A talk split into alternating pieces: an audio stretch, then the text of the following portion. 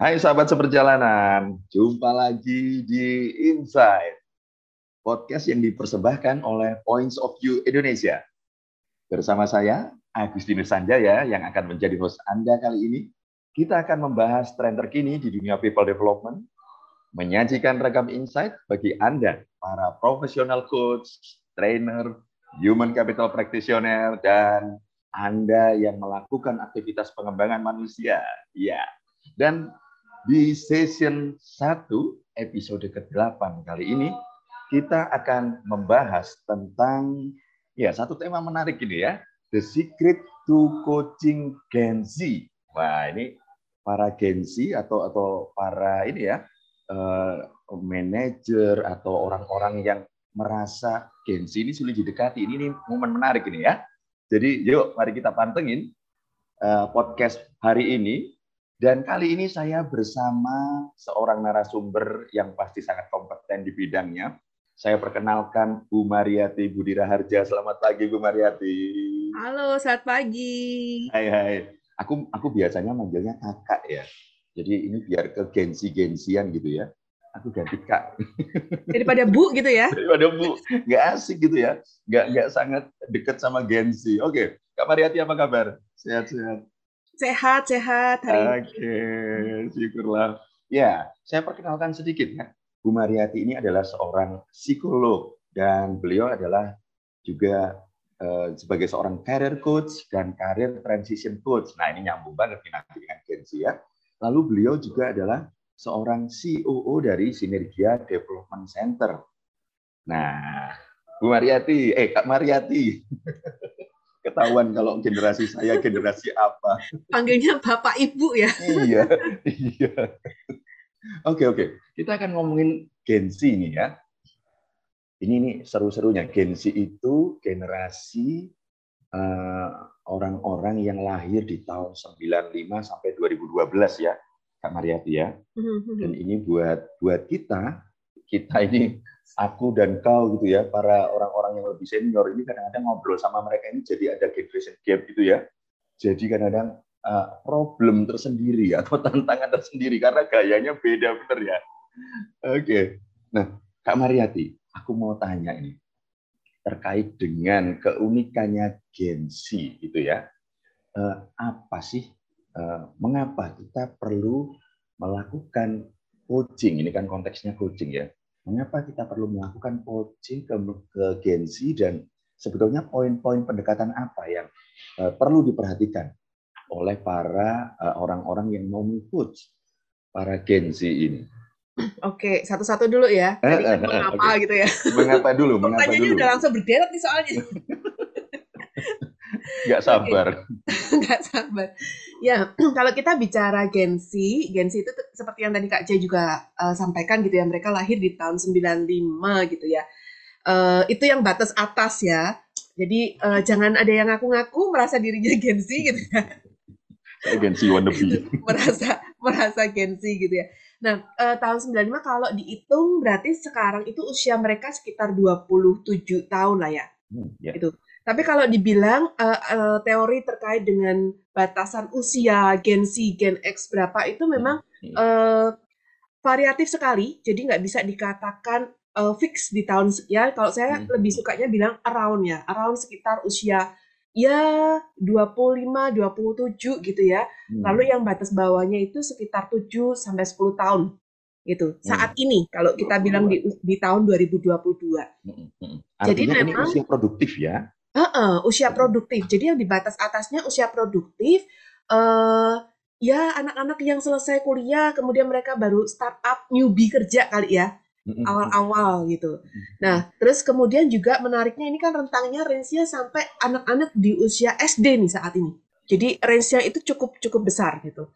Nah, kalau uh, dibilang mengapa sebenarnya Gensi ini perlu untuk di coaching, nggak cuma Gensi yang perlu di coaching gitu ya. Betul, Cuman betul. kalau kita lihat uh, the future-nya, mereka ini adalah orang-orang yang akan memimpin negara Indonesia ke depannya. Jadi kenapa kita perlu memperkuat, uh, kemudian memang betul-betul mengencourage mereka ya, potensi-potensi mereka, mereka kenal dengan dirinya sendiri gitu ya. Sehingga harapannya kalau kita uh, sekarang sudah mulai nih ada ke depannya didengungkan Indonesia 2045. Ada apa di Indonesia 2045? Karena itu 100 tahun Indonesia. Nah, bayangin kalau di usia 100 tahun Indonesia, seabad nih Indonesia, kita lihat dengan anak-anak yang Gen Z itu, berarti mereka di usia sekitar 30 sampai maksimal 50 tahun. Di mana itu usia-usia puncaknya mereka. Ya, ya. Ini usia jadi direktur, jadi yes, pimpinan, jadi betul, okay. betul. Jadi ya. kebayang ya kalau kenapa sekarang benar-benar fokus di Gen Z karena kita kepingin nanti di usia uh, mereka di usia yang matang, mereka produktif itu memang mereka betul-betul uh, apa ya seluruh potensinya, seluruh uh, kemampuannya itu semakin ter uh, terblow up gitu loh, kelihatan hmm. banget. Hmm, hmm, gitu. Okay. Jadi nah, ini, ini ini ini nggak cuma ngomong sekedar why coaching gitu ya, tapi hmm. tapi ini ngomong jauh beyond di di depannya adalah mereka ini akan jadi generasi penentunya Indonesia ya. Betul, Kita mau betul, mau haju, apa ya maju atau mau hancur gitu ya, ya itu ya. ada di tangan mereka gitu ya, hmm. Kak ya.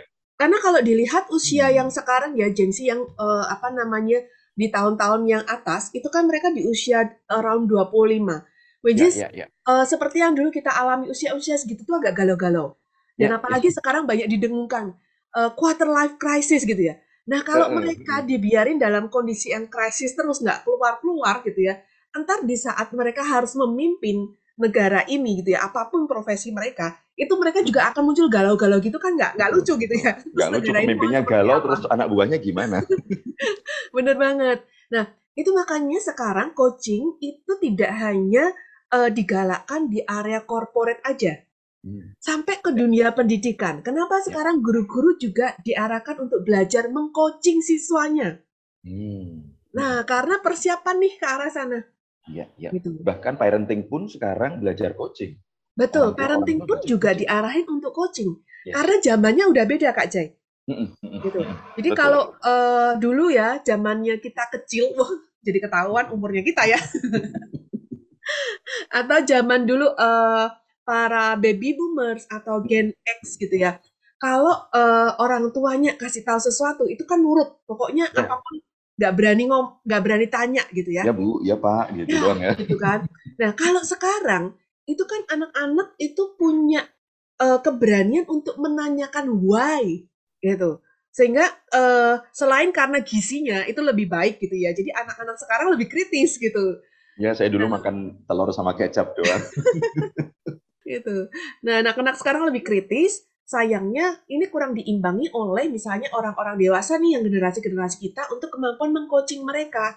Jadi ketika mereka tanya why, harusnya sebenarnya kita juga bisa berperan nih untuk mengasah critical thinking mereka lagi.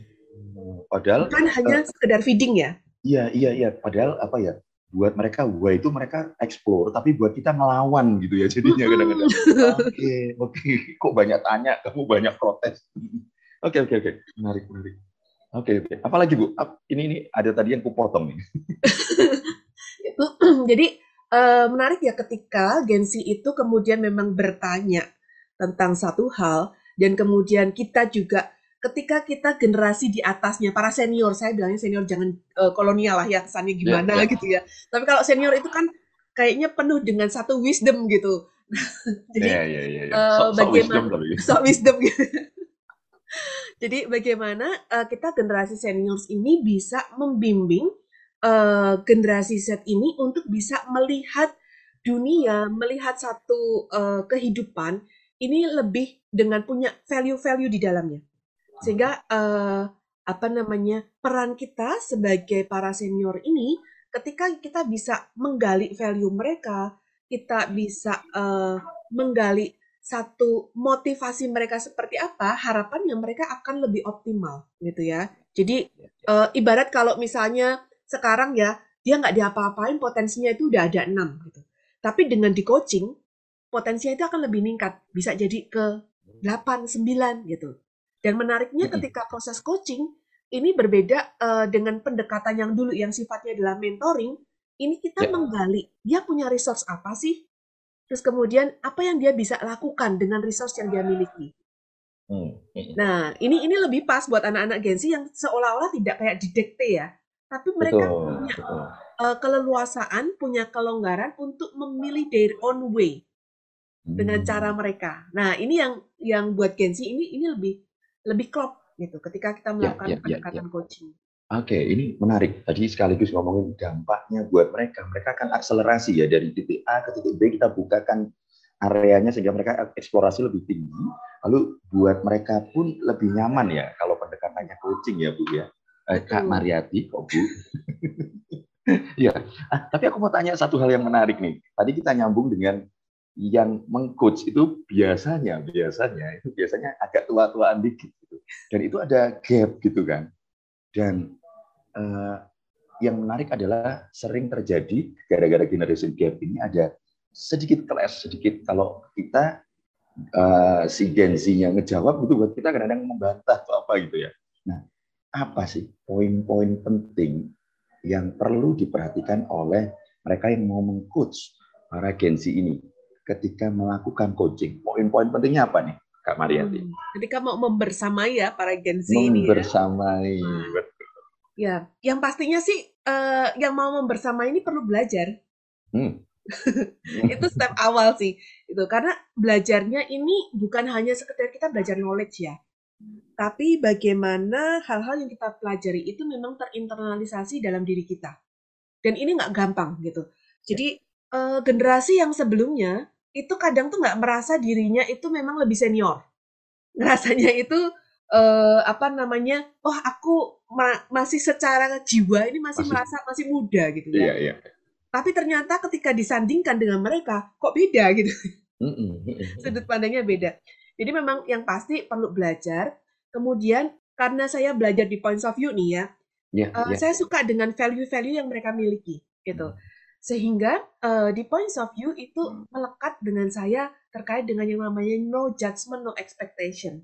Hmm. Nah, ini nih yang perlu kita miliki ketika kita sebagai coach, bagaimana ketika seseorang sedang menceritakan uh, kisahnya mereka atau story-nya mereka atau apa pun itu, kita punya prinsip no judgment dan no expectation gitu. Karena orang yang di hadapan kita berbeda dengan diri kita. Ketika kita kemudian uh, menuntut ya Gensi, loh harusnya kan dia sudah paham ini. Harusnya tuh harusnya siapa? gitu. Harusnya kita. Nah, dan takarannya kita. Kenapa kita punya takaran itu? Karena kita sudah melalui beberapa uh, perjalanan sehingga makanya kita ya. punya satu standar tertentu. Nah, sedangkan Gen Z ini mereka juga sedang masanya eksplorasi. Justru di situlah ketika dia sedang eksplorasi, anak-anak ini sebenarnya bisa kok untuk belajar dari apa yang uh, mereka alami. Tinggal bagaimana si coachnya ini memantik mereka ya untuk bisa memaknai perjalanan mereka selama ini. Nah, kalau uh, yang perlu dilakukan sebenarnya aku menggunakan tiga prinsip sih kalau uh, mengcoaching uh, Gen Z ini ya. Yang pertama bagaimana memposisikan diri kita, peran kita di hadapan Gen Z. Nah ini ada tiga hal gitu. Jadi bagaimana peran kita sebagai seorang coach itu kita uh, punya topi sebagai kontainer. Nah, kontainer hmm. itu apa? Kontainer itu kita memang betul-betul menyediakan diri dengerin mereka konten. Uh, mereka punya pendapat apa konten dulu. Jangan langsung di uh, apa namanya dipantulkan kembali ya. ya Karena ya. kalau begitu udah dipantulkan mereka akan tutup nih. Gitu. Ah, nggak seru nih ngomong gini. Tapi kita coba konten dulu. Dan ketika konten itu tadi prinsipnya no judgment, no expectation, kemudian kita ya. mencoba menyelami apa sih yang ada di balik pemikiran mereka. Kok bisa hmm. sih mikir seperti ini? Gitu. Nah, ketika kita sudah konten itu, mereka merasa nyaman, ada safety net di situ. Lalu kemudian ketika kita me mendengar, merasakan ada sesuatu yang kurang pas nih kayaknya.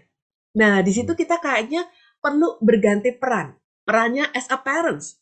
Nah, parents di sini adalah bagaimana kemudian kita juga bisa mungkin memberikan suntikan-suntikan feeding mereka gitu ya dengan satu uh, pengalaman kita, tapi kembali lagi, bukan berarti mereka harus ngikutin apa yang kita lakukan.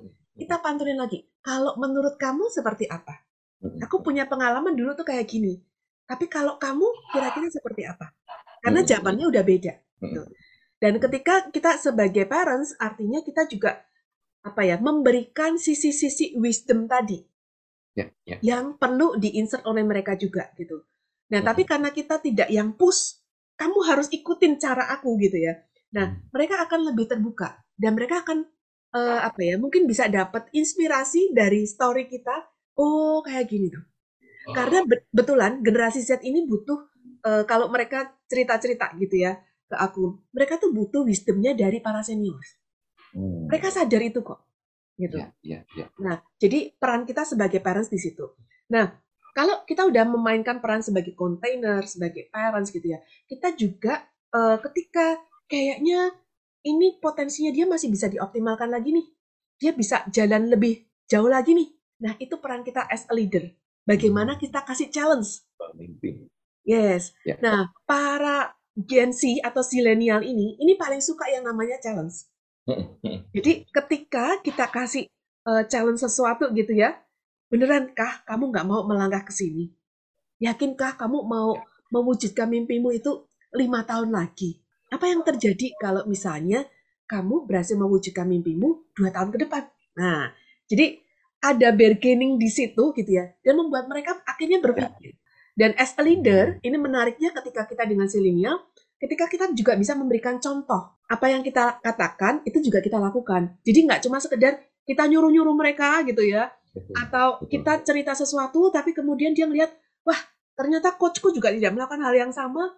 Konsistensi itu penting. Jadi aku ya, pernah ya. nih dengan dengan coach aku, silenial gitu ya. Jadi janjian coaching. Kalau kamu telat 5 menit, push up ya 10 kali. Ya kak, aku cuma sanggup lima kali. Ya udah, kalau kamu sanggupnya lima kali, sekarang latihan lagi aja supaya kamu bisa sanggup sepuluh kali. Gitu. Kalau kamu telat sepuluh menit, sepuluh kali, dua puluh kali, mulai mikir kan dia. Nah, sejak itu, uh, tapi aturan itu nggak nggak hanya berlaku buat dia ya, tapi juga berlaku hmm. as a coach ya. Kalau saya telat, saya juga akhirnya harus melakukan hal yang sama gitu. Hmm. Nah, itu yang akhirnya membuat si coach ini melihat bahwa oh ternyata coachku juga uh, mendapatkan satu konsekuensi yang sama. Nah, ini yang mendorong Ada dia. Ada respect di situ. Yes. Okay. Nggak pernah lagi untuk terlambat gitu ya. Terus bidding, uh, awareness-nya tinggi sekali gitu. Bahkan dia sudah hmm. hadir 15 menit sebelum sesi dimulai gitu. Okay. Dan ketika itu dilakukan secara konsisten, nggak pernah telat sama sekali. Bahkan nggak usah di awareness-nya jadi naik. Itu sih Kak Jai. Jadi ya uh, menarik ini menggunakan tiga ini ya tiga prinsip ini menarik ya. Eh, tadi tadi ngomongin bahwa kita ini perlu belajar ya, lalu perlu punya value, no judgment, no expectation, lalu mengajak mereka bereksplorasi. Lalu kemudian ada tiga prinsip teman-teman. Eh, hadirlah sebagai coach dan dengan topik kontainer yang punya telinga gitu ya, bener-bener ngedengerin sampai ngelihat kok bisa ya kayak gitu. Itu kita simak bener lalu ada as a parent kita memberikan wisdom, eh, menemani dengan wisdom, lalu as a leader dengan memberikan challenge gitu ya Kak Mariati ya. Betul ini, banget. Ini menarik ya karena dua yang terakhir itu as a parent, as a challenge, eh, as a leader, kita harus hadir sebagai coach bukan parent yang tutur-tutur atau leader yang suruh-suruh gitu ya. Tapi memberi challenge dan uh, menawarkan ada wisdom lalu dipantulkan lagi sebagai coach. Gitu ya Kak ya. Ini ini seru nih. Nah, maka aku mau ini nih tantangannya Kak Mariati. Tantangannya bukan uh, ini ya tantangan dari sisi coachingnya para gensinya, tapi malah aku melihat yang uh, punya tantangan adalah yang mengcoaching sebetulnya. Betul banget. Iya, maka yang perlu diperhatikan menurut Kak Mariadi, tantangan apa yang perlu kita selesaikan dari diri kita gitu ya, supaya kita bisa ya matching mirrornya pas, lalu bisa masuk uh, apa dalam level yang sama, lalu bisa bantu mereka untuk untuk grow gitu apa nih tantangannya yang perlu kita tuntaskan? Uh, tantangannya sebagai coach itu adalah memang karena kita punya beda beda zaman, beda sudut pandang gitu ya. Hmm. Itu yang kadang-kadang uh, mereka punya satu prinsip yang kayaknya, eh kok gini ya gitu ya. Oh, aneh ya. Aku mah santuy aja. Kok santuy sih? Semua udah gercep-gercep gitu.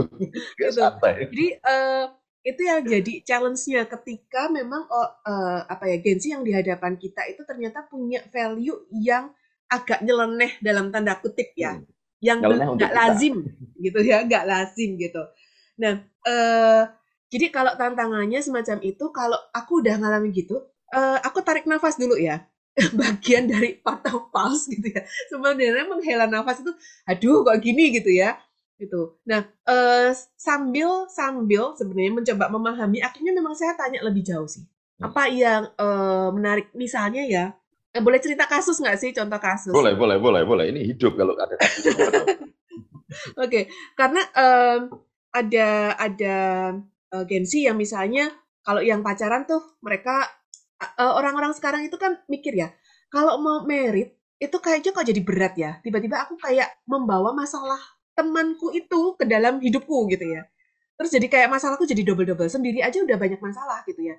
Nah, terus kemudian memang ada yang uh, ngobrol gitu.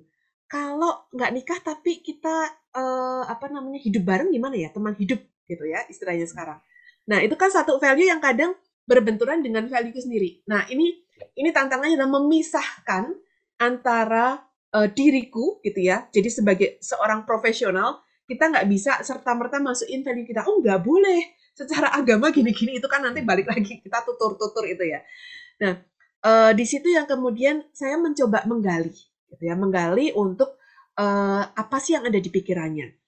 Lalu kemudian kadang ketika kita menggali si Gensi ini kita merasa gitu ya uh, sebenarnya energi kita ketika kita nggak oke okay, gitu ya itu sekalipun nggak terlihat itu mereka juga merasa ketika ada sesuatu benturan. Nah, akhirnya aku biasanya pakai tools sih, pakai tools points of view untuk uh, bisa membantu dia bisa men menyampaikan apa yang ada di pikirannya itu secara lebih terbuka gitu ya. Dan saya juga mengingatkan diri saya untuk ya namanya aja toolsnya points of view. Bagaimana saya menghargai dia dari sudut pandangnya dia. Itu yang yang saya biasanya uh, gunakan gitu. Uh, selain tadi ya ambil waktu untuk pause sejenak menetralisir diri gitu. Jadi ya kadang ya tergagap ya karena ketika uh, duh kok gini ya gitu ya. Tapi buru-buru kemudian menyadarkan diri sebentar, sebentar saya nggak boleh pakai uh, ini nih value saya. Kita value kita betul. Nggak semata-mata gitu ya. Berarti teman-teman yang menantang adalah kita nggak keburu-buru langsung gitu ya nanti jadinya judgement jadinya tutur-tutur gitu ya tapi perlu loh kita punya satu langkah yang kita sebut pause kalau di points of view ya Kak Mariati ya. Hmm. Ini penting banget sehingga Anda kembali tetap sadar gitu ya. Lalu yang kedua, gimana caranya mengajak mereka untuk bisa menyampaikan pikiran secara terbuka. Artinya apa? Kita perlu menghargai dia hadir sebagai uh, pribadi yang bisa jadi berbeda ya Kak Mariati ya. Ini Betul. dibantu dengan tools points of view. Ini ini akan sangat ini pengalaman kami ya akan sangat membuka sekali pikiran sehingga dia bebas ngomongin pikiran dan perasaannya. Oke, okay. Hmm. thank you Kak Mariati. Ya, enaknya gini juga Kak Jay, karena uh, di points of view itu kan ada di tools punktum itu kan ada kartu pertanyaannya. Ya, ya. Nah kartu pertanyaan itu membantu sekali. Hmm. Ketika saya merasa ada kata kunci yang itu terus berulang muncul gitu ya, lalu kemudian saya uh, uh, apa namanya masukin nih satu pertanyaan Nah, kalau seperti ini, nah akhirnya dia yang uh, apa ya berpikir sendiri gitu ya terkait dengan pandangannya dia. Ya, Jadi ya. pertanyaan-pertanyaan itu kan uh, prinsipnya kalau coaching itu kan kita memang bertanya. Ya. Nah, ketika kita harus memunculkan satu pertanyaan itu uh, tidak itu gampang-gampang susah kan ya untuk bisa nyampe ke titik yang membuat dia berpikir ulang, dia berpikir dari sisi yang lain. Nah, itu memang tidak mudah. Nah, ya uh, di tools points of view itu menariknya karena ada pertanyaan-pertanyaan itu ngebantu banget. Sehingga tinggal saya ambil sampai dia cerita, saya uh, liatin tuh pertanyaan-pertanyaan, terus kemudian tinggal saya sodorkan. Ya. Dan itu yang akhirnya membuat oh iya ya. Ah, ini ini berarti sebenarnya tantangan-tantangan yang lain lagi ya. Bagaimana kita sebagai coach itu beri pertanyaan yang challenging, beri pertanyaan yang powerful yang nggak cuma tanya kenapa kamu gitu, ngapain gitu ya. Oke, okay, oke. Okay catatan ya teman-teman ya. Belajar untuk sadar dengan pause lalu belajar menghargai sudut pandang dan belajar melempar pertanyaan yang nggak kaleng-kaleng. Oke aku pakai gayanya para gensi nggak kaleng ya, ya, ya. oke kak Mariati. Ini seru nih kalau diterusin. Cuma waktunya pendek. Maka aku mau ada uh, para teman-teman ini ya sahabat seperjalanan. Kita dengerin ini dari Kak Mariati dari apa yang kita obrolin Kak Mariati. Menurut Kak Mariati, apa sih hal yang sangat penting untuk jadi pijakan kita melakukan coaching dengan Gensi. Kalau di runut, kalau di point of view kami selalu tanya gitu, insight Anda apa dalam satu kata maksimal satu kalimat itu. Silakan Kak Maria. Oke, itu jadi kayak summary-nya gitu ya? Hmm, betul. Hmm, Oke. Okay. Uh, eh, summary-nya yang pasti kita perlu memberikan safety net buat para Gensi. Itu basic banget gitu ya. Ketika mereka mendapatkan safety net-nya gitu ya, mereka akan mampu membuka diri. Hmm. Lalu kemudian no judgment, no expectation gitu ya. Yang ketiga bagaimana kita memainkan peran as a container, as a parents dan juga as a leader. Itu sih Kak Jay. Tiga hmm. hal. Oke. Okay. Teman-teman menyediakan safety net. Lalu yang kedua, Kak Mariati, no judgment, no expectation, betul ya? Lalu yang ketiga apa tadi Kak Mariati? Yang ketiga, bagaimana dengan cantik memainkan peran, topinya itu bergonta-ganti gitu ya dalam satu waktu sebagai container, sebagai parents dan juga sebagai leader. So, mari kita garis bawahi tiga hal tadi ya, teman-teman. Sebagai safety net, no judgment, no expectation, lalu bagaimana kita dengan lincah, fleksibel memainkan peran kita. Nah, ini menarik. Dan di points of view, teman-teman, inilah yang kita pelajari. Bagaimana kita hadir tidak semata-mata ini ya kita belajar alatnya ya Kak Mariati. Betul. Kita benar-benar hadir sebagai pribadi, lalu kemudian kepada orang lain juga jadi safety net, belajar respect satu sama lain, melihat sudut pandang yang berbeda, lalu juga belajar hadir dalam peran-peran yang berbeda. Ini serunya ya kalau belajar points of view. nah, so teman-teman, ini buat Anda juga sekaligus ya, saya ini ya, kenalin dikit buat Anda yang pengen belajar points of view, yuk langsung pantengin Instagram kami, media sosial kami kalau di Instagram dan Facebook. Uh, Facebook dan Instagram kami adalah Points of View Indonesia. Silahkan disimak, di situ akan Anda akan lihat berbagai dinamika kegiatan, lalu juga ada akademi. Setiap bulan selalu ada ya yang mau belajar tentang Points of View, baik di level 1, 2, 3, gitu ya. Mm-hmm. So simak teman-teman. Uh, kalau ada pertanyaan langsung saja lontarkan ke admin kami begitu ya. Dan ya Terima kasih Kak Mariati untuk Sama-sama, pembelajaran hari ini luar biasa banget. Ini waktunya kalau diterusin bisa lebih panjang ya. Oh bisa sampai besok. bisa sampai besok. Tapi minimal kita udah dapat poin ringkasannya. Terima kasih banyak insight-nya. Terima kasih banyak juga sahabat seperjalanan yang udah ngedengerin podcast kita hari ini. Semoga menjadi tambahan bekal Anda, juga jadi inspirasi mungkin yang lagi santai atau yang lagi kerja bisa jadi tambahan inspirasi Anda apalagi yang ketemu dengan Gen Z, hmm, silahkan. Ini pasti jadi inspirasi yang bermanfaat. Dan iya, saya lupa tanya satu hal. Kalau tadi insight-nya Kak Mariati, tiga hal tadi, apa nih insight dari Anda semua, sahabat seperjalanan? Boleh kasih komen ya. Boleh kasih komen di podcast kami, boleh kasih komen. Insight Anda apa dari sesi kita hari ini? Dan akhirnya Episode kali ini harus berakhir, teman-teman. Podcast Insight dari Points of View Indonesia. Podcast yang membahas tren terkini di dunia people development, menyajikan ragam inspirasi bagi Anda, para profesional coach, trainer, human capital, practitioner, dan siapa pun Anda yang melakukan aktivitas pengembangan manusia. Sampai jumpa lagi di episode yang mendatang. Terima kasih. Bye-bye. Bye.